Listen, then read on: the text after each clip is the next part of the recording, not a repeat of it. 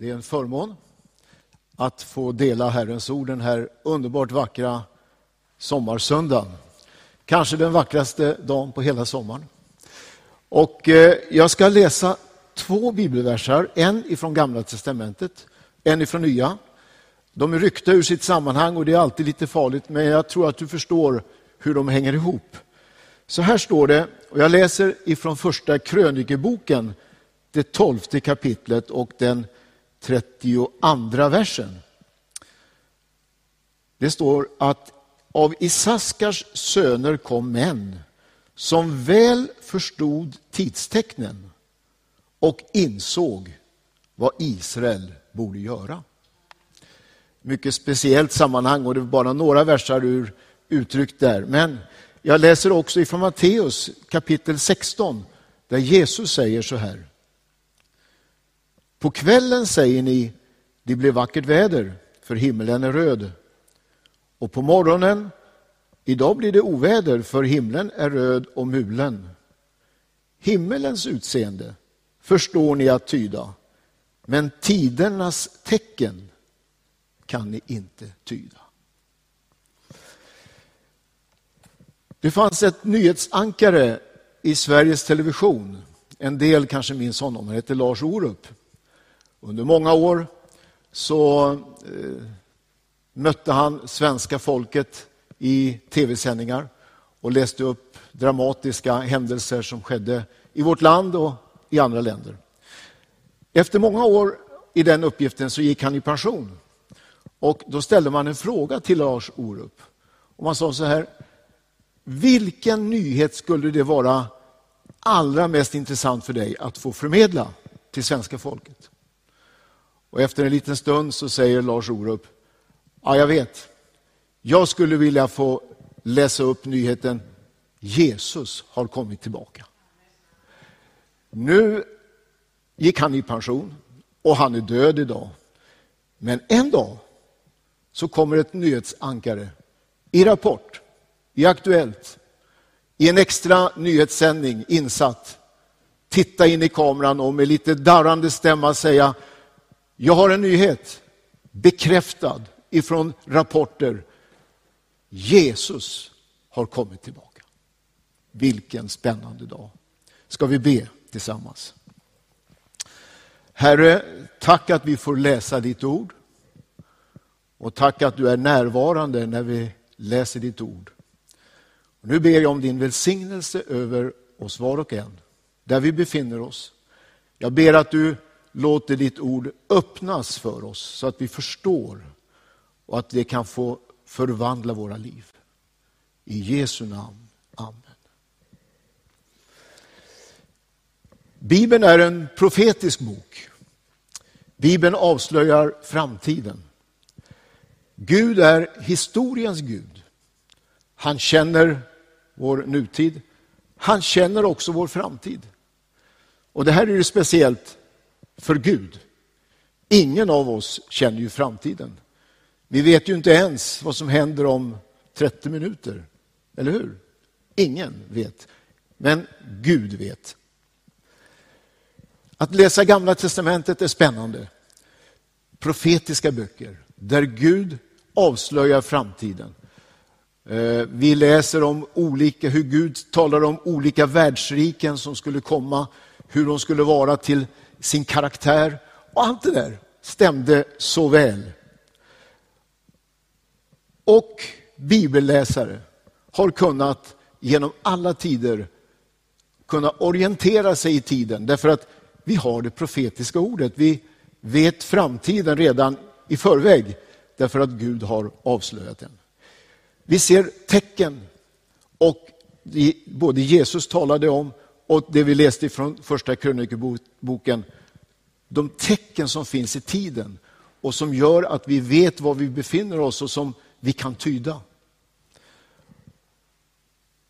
Det gör att vi kan förbereda oss på ett bra sätt för att möta också framtiden. Jag sa att Bibeln är en profetisk bok.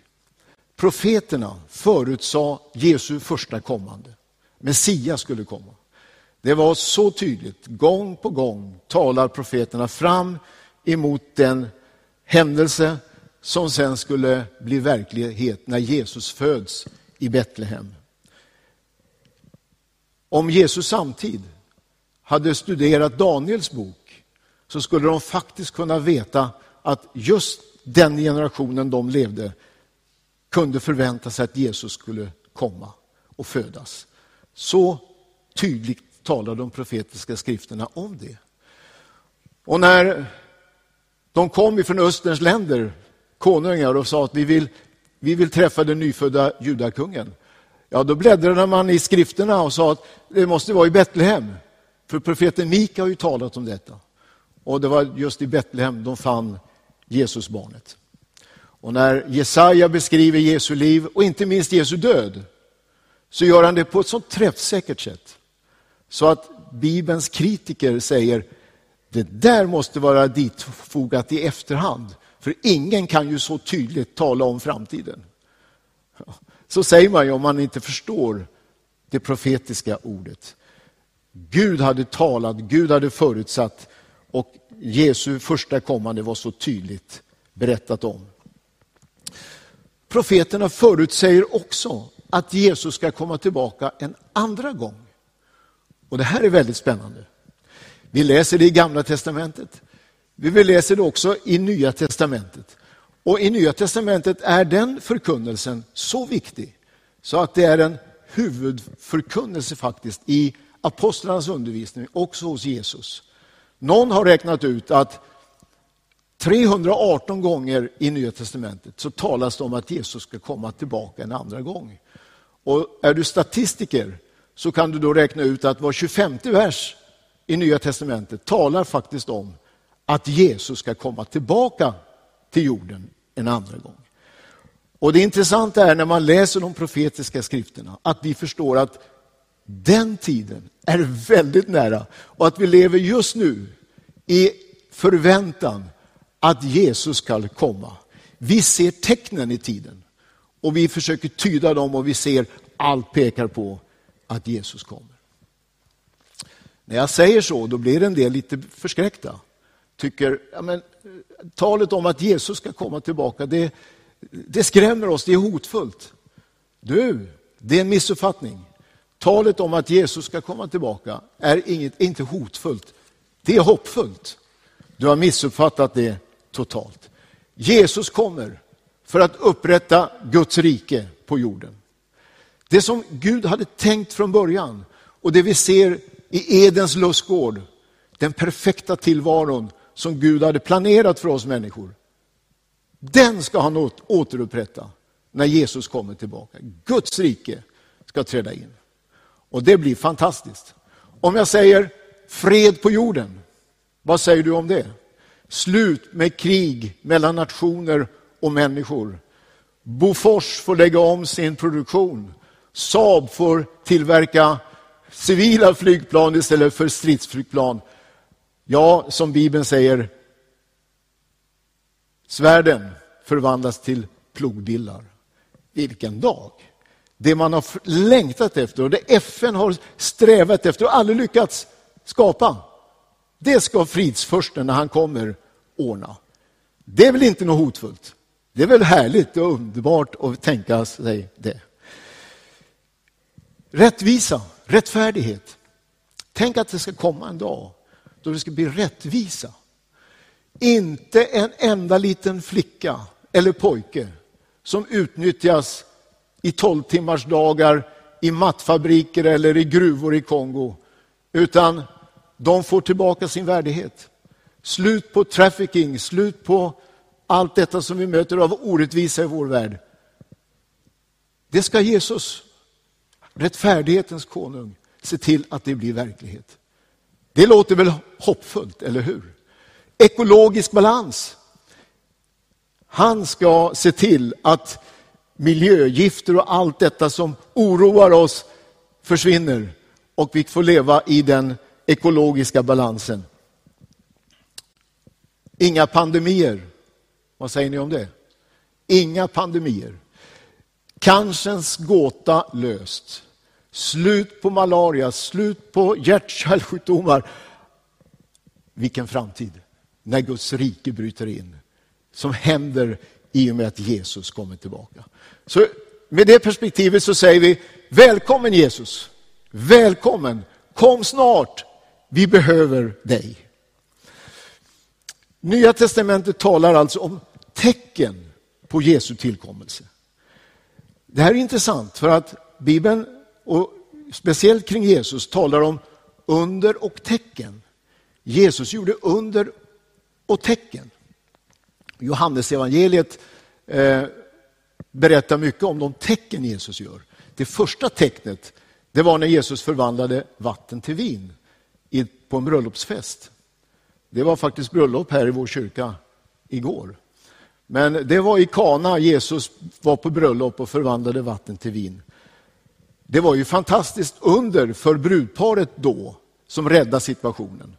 Men, säger Bibeln, det var ett tecken på Jesu makt och Jesu härlighet. Och lärjungarna såg inte bara ett under, han såg vem Jesus var.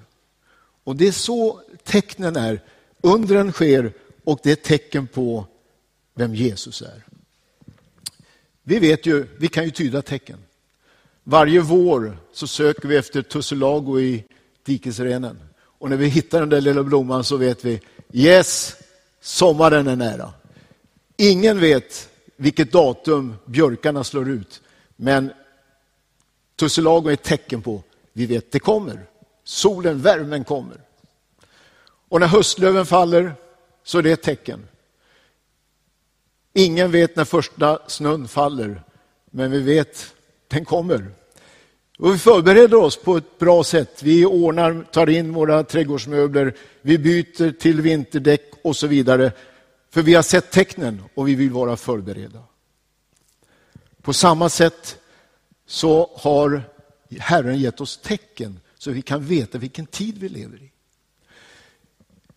I en dialog den sista kvällen med sina lärjungar så säger de till Jesus, Jesus, vad blir tecknet till din tillkommelse? Vad är det för tecken vi ska se på? Och I Matteus kapitel 24 och i Lukas kapitel 21 så läser vi den predikan Jesus höll för sina lärjungar. Och är du lite intresserad av var vi befinner oss, om de tecken som finns i tiden, så är det ett råd ifrån mig.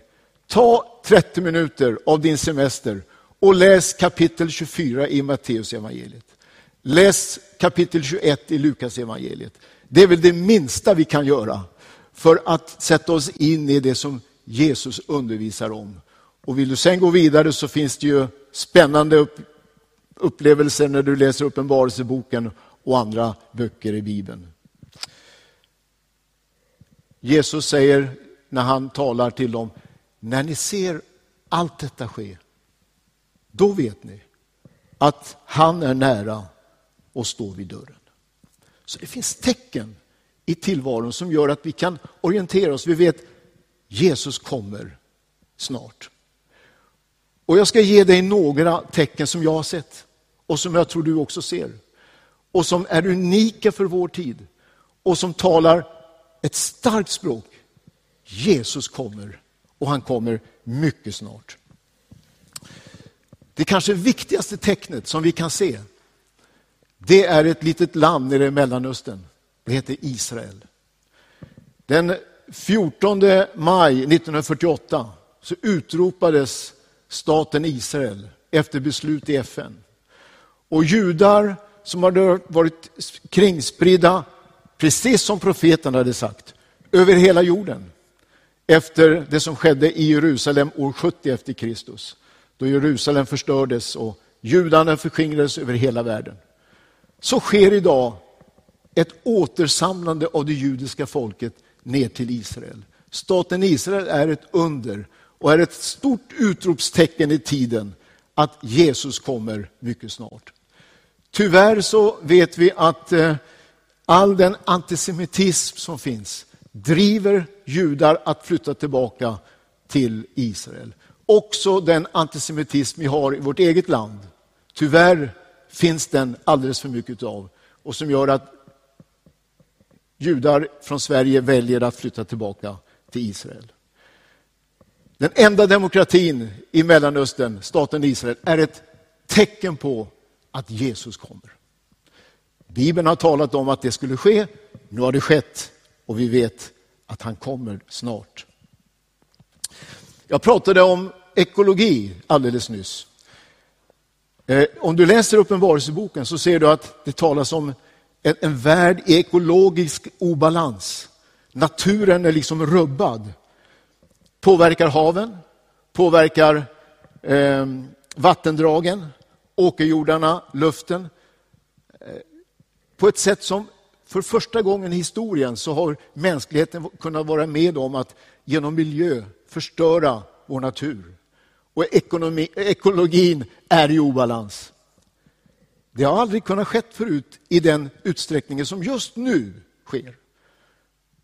Ett starkt tecken på att vi lever i en tid då vi kan vänta Jesus. Globaliseringen, har du tänkt på den? Hela världen hänger ihop och vi har ju sett det ganska tydligt nu i den här pandemin vi lever mitt i, eller hur? Genom handel och ekonomi och på annat sätt så, så vävs liksom världen ihop. Och den globalisering som Bibeln talar om ska ske inför detta att Jesus ska komma. Som kommer att mynna ut en dag i en världshärskare som ska regera över hela världen. Den globaliseringen ser vi just nu ta form. För första gången i historien. Över hela världen. Dina besparingar, din pension påverkas av börserna i Shanghai och New York.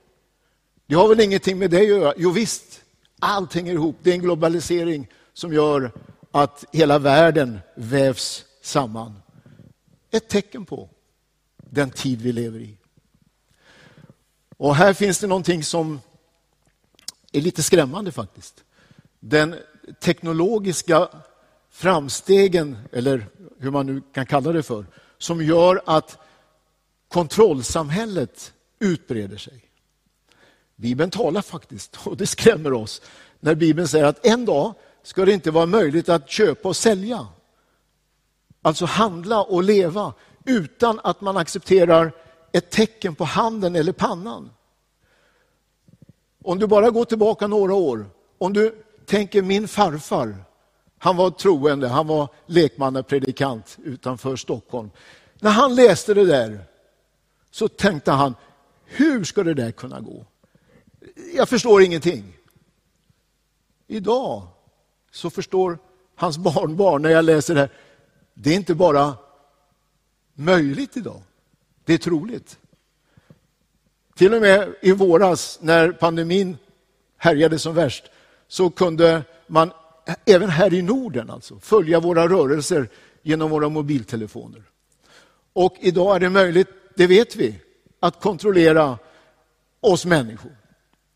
I Kina sitter det kameror i alla de stora städerna med i ansiktsigenkänning som gör att man kan ha koll på varenda människa, hur de rör sig, vad de handlar, vad de tänker och tycker. Allt det där finns. Så teknologin finns där. För första gången i historien så kan det Bibeln har talat om bli verklighet. Så finns det också lite positiva saker som vi kan se. På pingstdagen citerar i Apostlagärningarna 2 citerar Petrus när han predikar eh, vad som ska ske. Han citerar profeten Joel och han säger det ska ske i de yttersta dagarna. Alltså det är ju vår tid, den tiden närmast Jesu tillkommelse.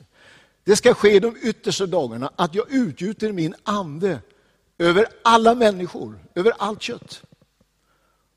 Fantastiskt perspektiv. Och jag är så glad att kunna säga, det har aldrig funnits så många andefyllda kristna som det finns just nu i vår värld.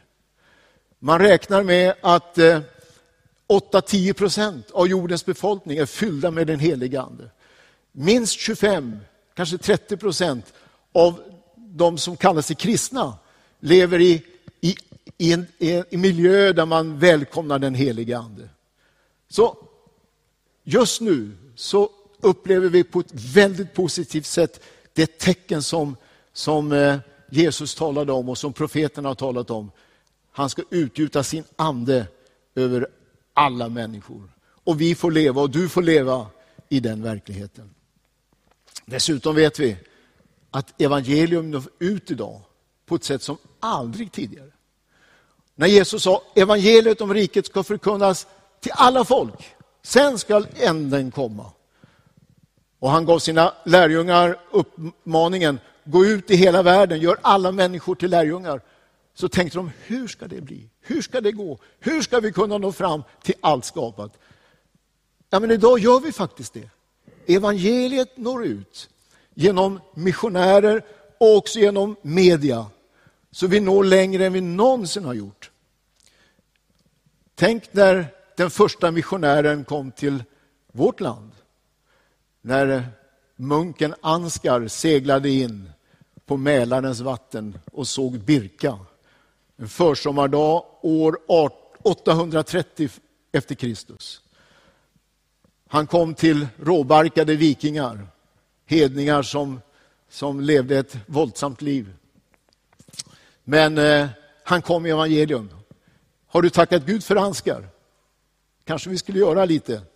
Eller Eskil som kom faktiskt till vårt område här i Sörmland med evangelium. Men idag så når alltså evangeliet in och ut. Bakom stängda gränser, in i Nordkorea, in i Kinas miljoner stora befolkningscentra, in i hinduiska tempel, buddhistiska kloster. Överallt når evangeliet in genom media, genom sociala media och på annat sätt. Evangeliet förkunnas för hela världen. Och det är unikt för just vår tid. Visst är det intressanta tecken? Och då är min fråga, hur påverkar, ser du de tecknen? Jag hoppas att du kunde följa med nu och fundera vidare över det här som jag har nämnt. Och då är min nästa fråga, och om det ska jag sluta min predikan. Hur påverkar det våra liv? Kan vi tyda tidens tecken och kan vi förbereda oss och att det får påverka mitt liv och ditt liv på ett rätt sätt? Får jag nämna några saker? För det första, hur viktigt är det inte att du är ett Guds barn? För när Jesus kommer tillbaka, och det gör han, då hämtar han de som tillhör honom, de som är barn till Gud. Så du kan få bli ett Guds barn om du inte är det. Och finns du med oss just nu och du inte är en personligt kristen, du är inte ett Guds barn, så vet du att du kan få ta emot Jesus som din personliga frälsare. Och du har rätten att få bli Guds barn. Och leva i den trygghet som Ingrid alldeles nyss talade så fint om. Att få leva tryggt i att när Jesus kommer tillhör jag honom och jag kommer att vara tillsammans med honom. Leva uppmärksam för andra på de tecken vi ser. Läs din dagstidning, lyssna på nyheterna, läs det profetiska ordet, hitta och se tecknen som finns. Petrus säger att allt detta går mot sin upplösning. Hur ska då inte vi leva ett heligt liv och ett gudfruktigt liv i väntan på Guds dag? Så det är min utmaning till mig själv och till dig idag. Det är tid nu att leva heliga liv och gudfruktiga liv. Det är inte tid att leva i kompromiss och leva halvhjärtat som kristen. Utan nu är tiden inne att vänta Jesus, att helhjärtat tjäna honom utan kompromisser och satsa livet på att vinna världen för honom. Öppna för den helige Ande så att du har olja i din lampa. Ta emot den helige Ande i ditt liv så att du är förberedd på de svåra tider som kommer. Vi förbereder oss på det genom Bibelns undervisning. Dela din tro. Jag måste i det här perspektivet förstå hur viktigt det är för mig att dela min tro. I min vardag med grannar, nära och kära, människor jag möter. Jag måste ju berätta om Jesus så att de också får tillfälle att ta emot honom och vara förberedda för Jesu ankomst. Och till slut, några ord till oss som församling. Att missionera, det är högprioriterat. Kristen mission är inte liksom en krydda i ett församlingsliv, en liten bonus sådär. Utan det är själva essensen, det är själva DNA i en kristen församling. Att dela evangeliet. Jesus sa, ut i hela världen, Jerusalem, Judeen och Samarien och till jordens yttersta gräns. Det är vår skyldighet att ge evangeliet. Och vi vet att det finns åtminstone 6 900 folkgrupper som ännu är onådda. Och vi vet att det finns i Afrikas djungler, i Asiens storstadsdjunglar och i Europas sekulariserade storstäder många, många miljoner som ännu inte har förstått vem Jesus är. Det är vår skyldighet och det är vår förmån att få ge evangeliet. Och därför är församlingens stora uppgift att dela evangelium lokalt men också ut till jordens yttersta gräns. Det här sporrar oss. Perspektivet om att Jesus ska komma, det sporrar oss till tjänst för honom. Och därför så tänker jag att jag vill sluta som Bibeln slutar. Bibeln slutar med en, en uppmaning, eller en, en hälsning. Amen. Kom Herre Jesus. När allt summeras så mynnas Bibeln ut i denna Amen, kom Herre Jesus. Och jag tror vi gemensamt kan säga idag, välkommen Jesus. Välkommen till oss. Vi väntar på dig. Du är världens hopp. Ska vi be tillsammans? Tack Herre för ditt eget ord. Jag ber att det ska få vara, bli levande och vara levande i våra liv. Tack för de profetiska orden du har gett oss. Hjälp oss att se det. Hjälp oss att förstå. Och hjälp oss att det påverkar våra liv på ett riktigt sätt. Tack att du kommer snart. Du är världens hopp och vi väntar dig Jesus. Amen.